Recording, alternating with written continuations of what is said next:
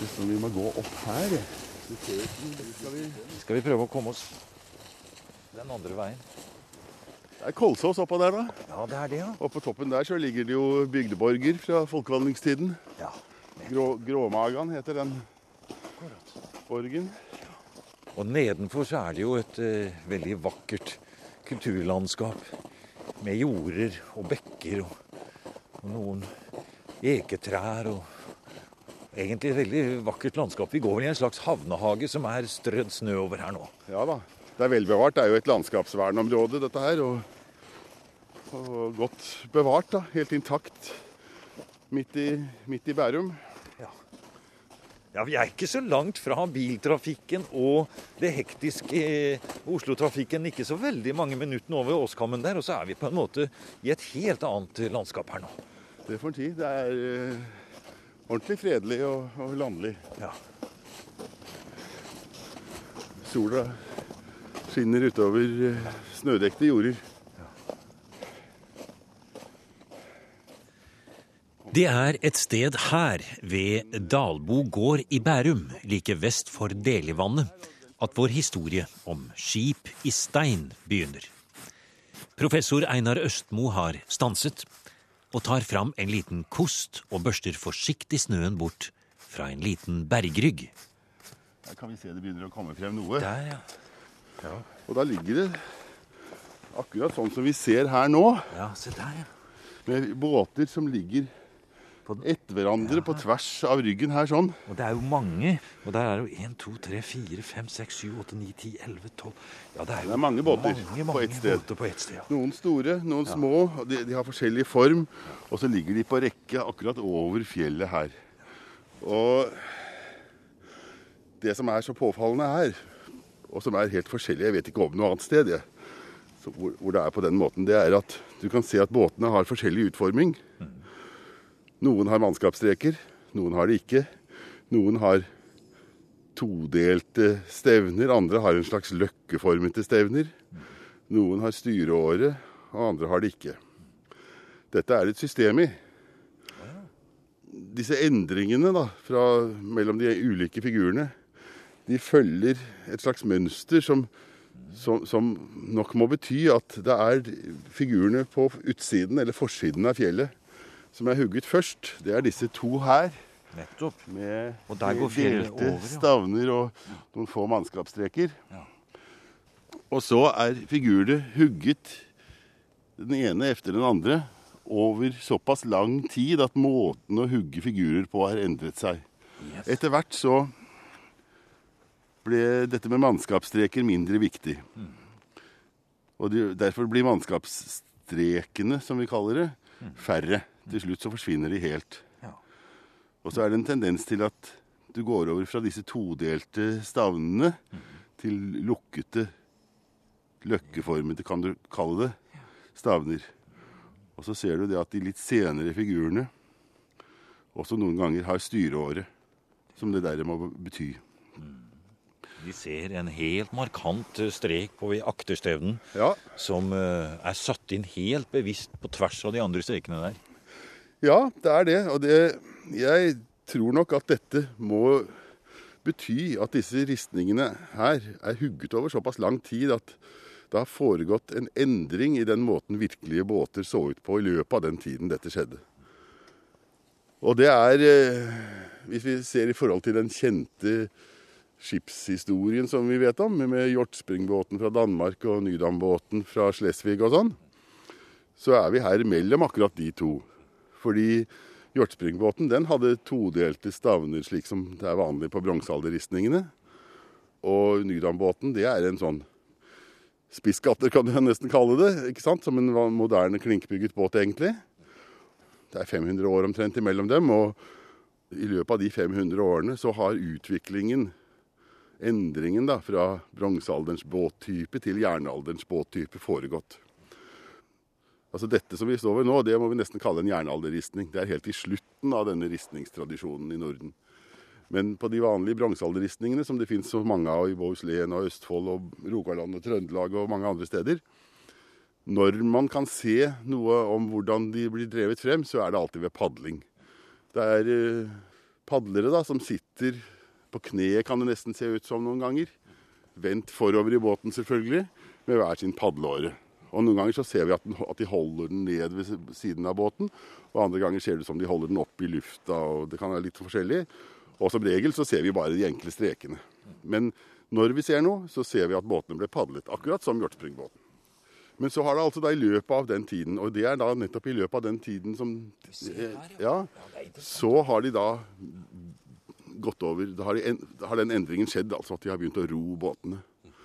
Og det har jo da fått mange slags konsekvenser, som vi kan komme tilbake til når vi ser eh, noen bilder av eh, sånne båter. Men eh, vi skal ikke gå så langt for å finne det første eksempelet på en sånn båt. Det ligger rett nede i lia her borte i havnehagen. I kulturlandskapet rundt Dalbo gård i Bærum er det flere felter med bergkunst. Ristninger er et ord som ikke dekker helt her, siden den karakteristiske huggeteknikken er helt annerledes enn det man kan se av jevne, lange streker i f.eks. bronsealderristninger. Her på Dalbo er skipsfigurene banket inn med mange små prikkhugg. Det er jo en historie i seg selv, men nå er det utviklingen av skip og båter vi ser etter. Og da har vi kommet til rett sted, sier professor Einar Østmo. Ser du der? Akkurat der hvor der snøen er, er, litt bak. Der ser du de strekene, og det er roårene du ser der. Nei.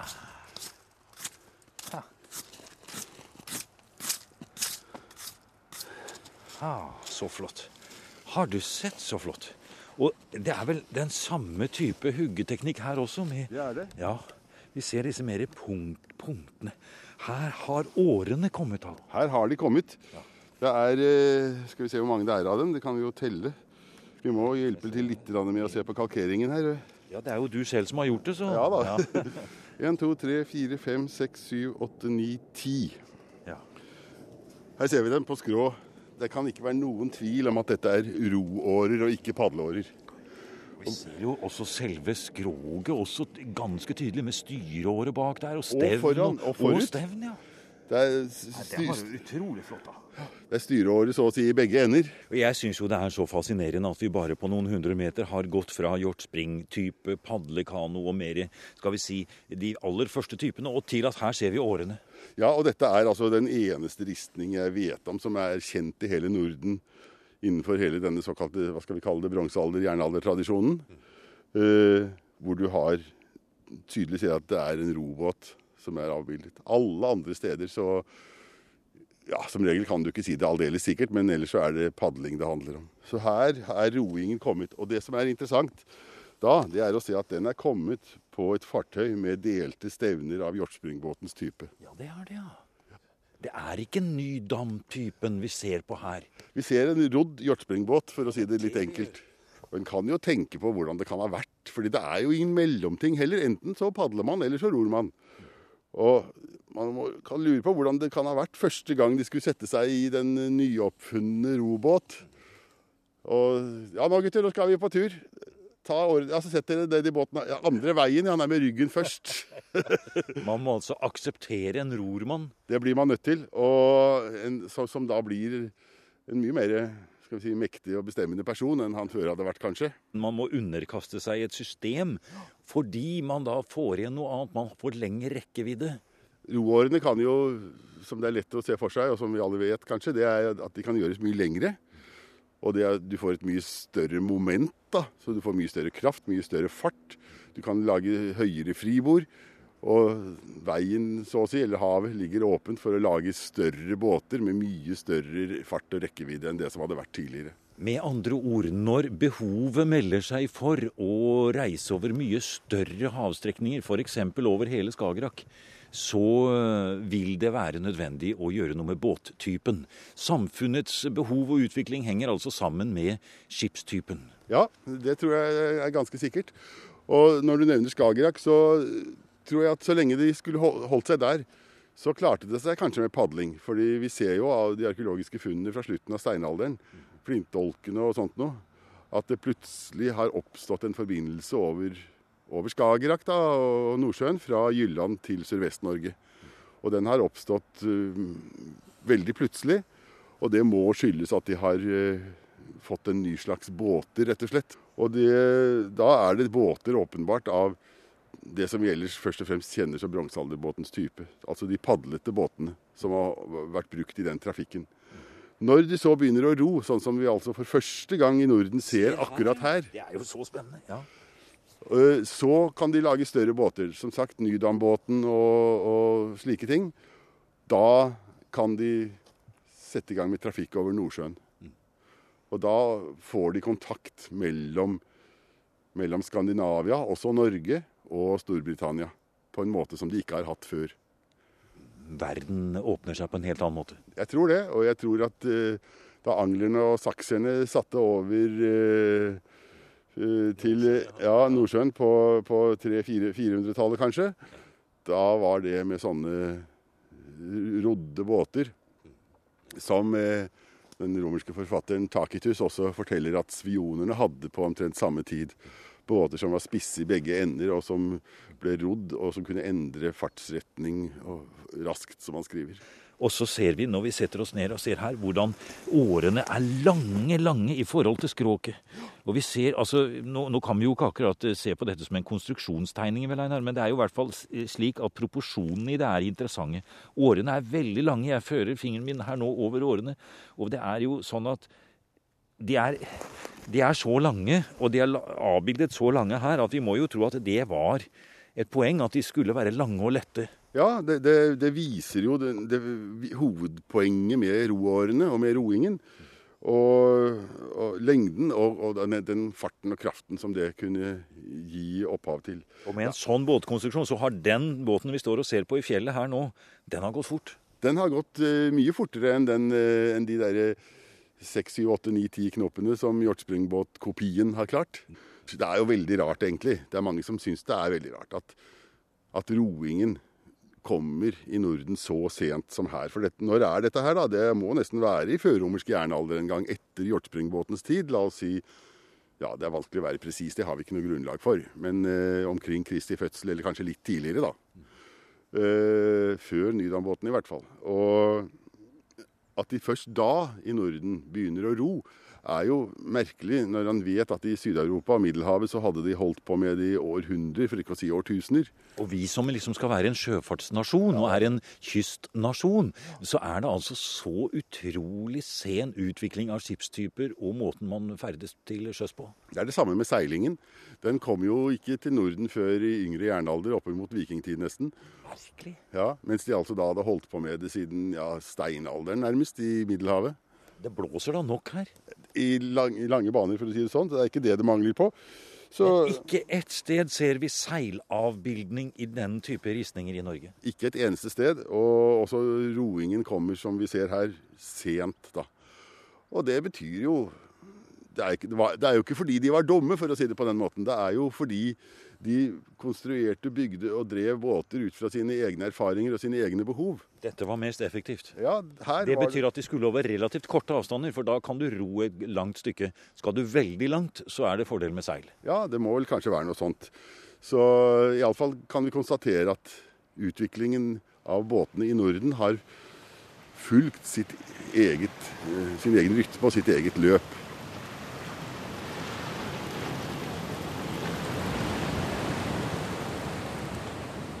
Og det er et løp og en rytme vi skal følge videre. Fra skipsfigurene i fjellet på Dalbo i Bærum, over Skagerrak og ned gjennom Kattegat og langt inn i Østersjøen. Ja, Vi får være glad vi ikke er ute i båt i dag, Einar. Ja, det får vi jammen være. At vi har kommet til Gotland på annen måte enn med en eh, båt fra bronsealderen ute i dette været her.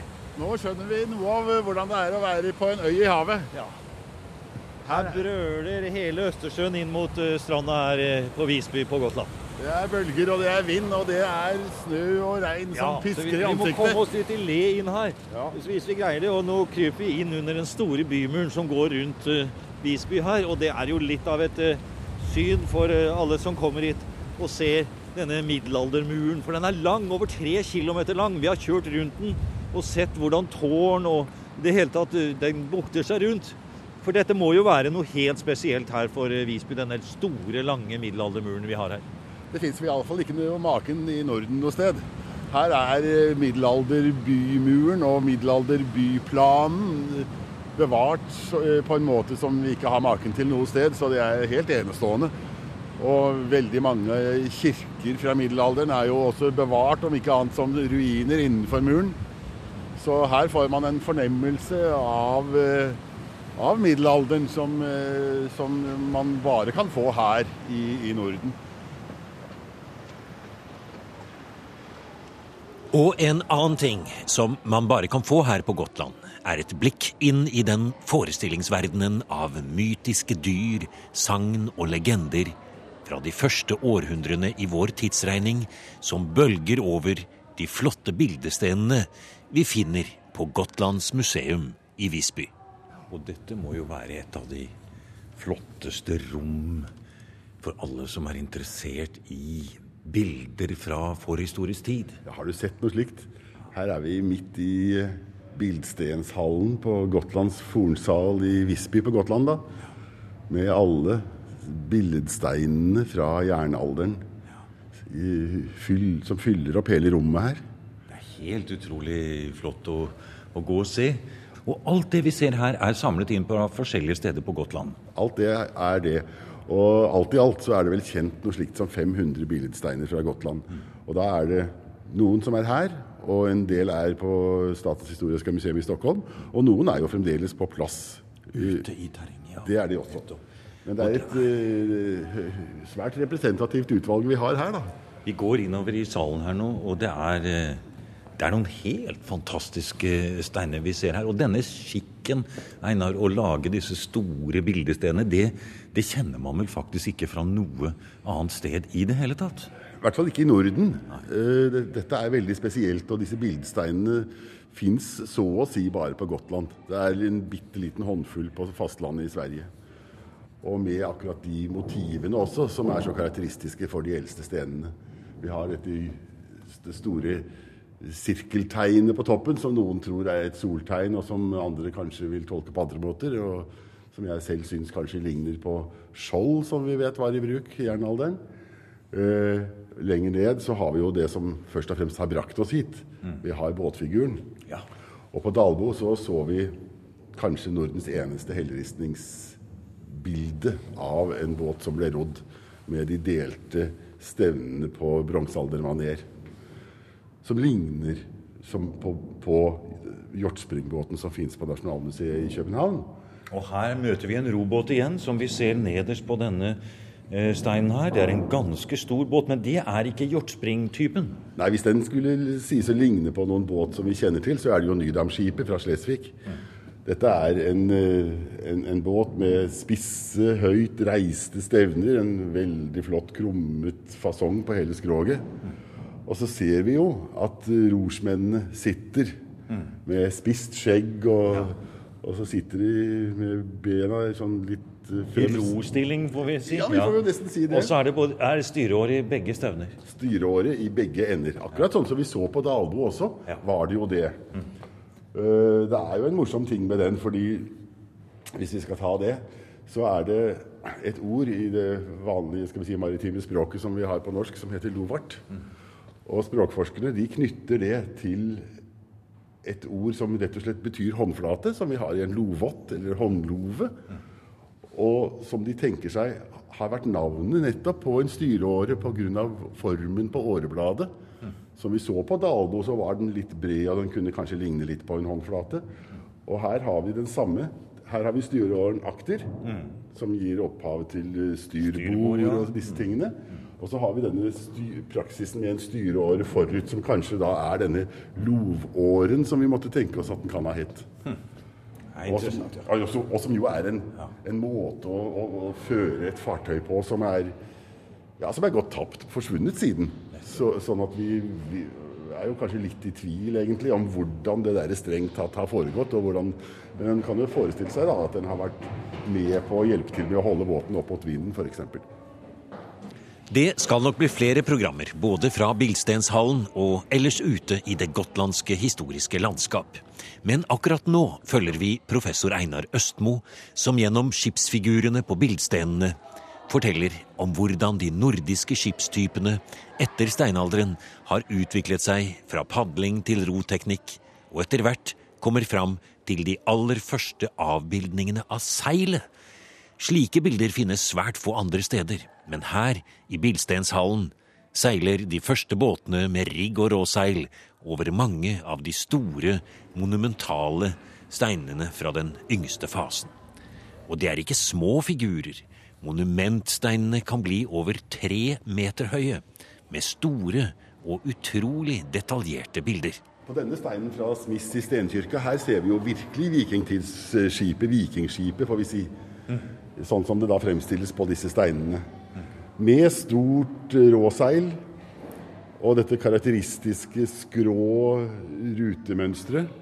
Her har virkelig seilet kommet inn på stendene.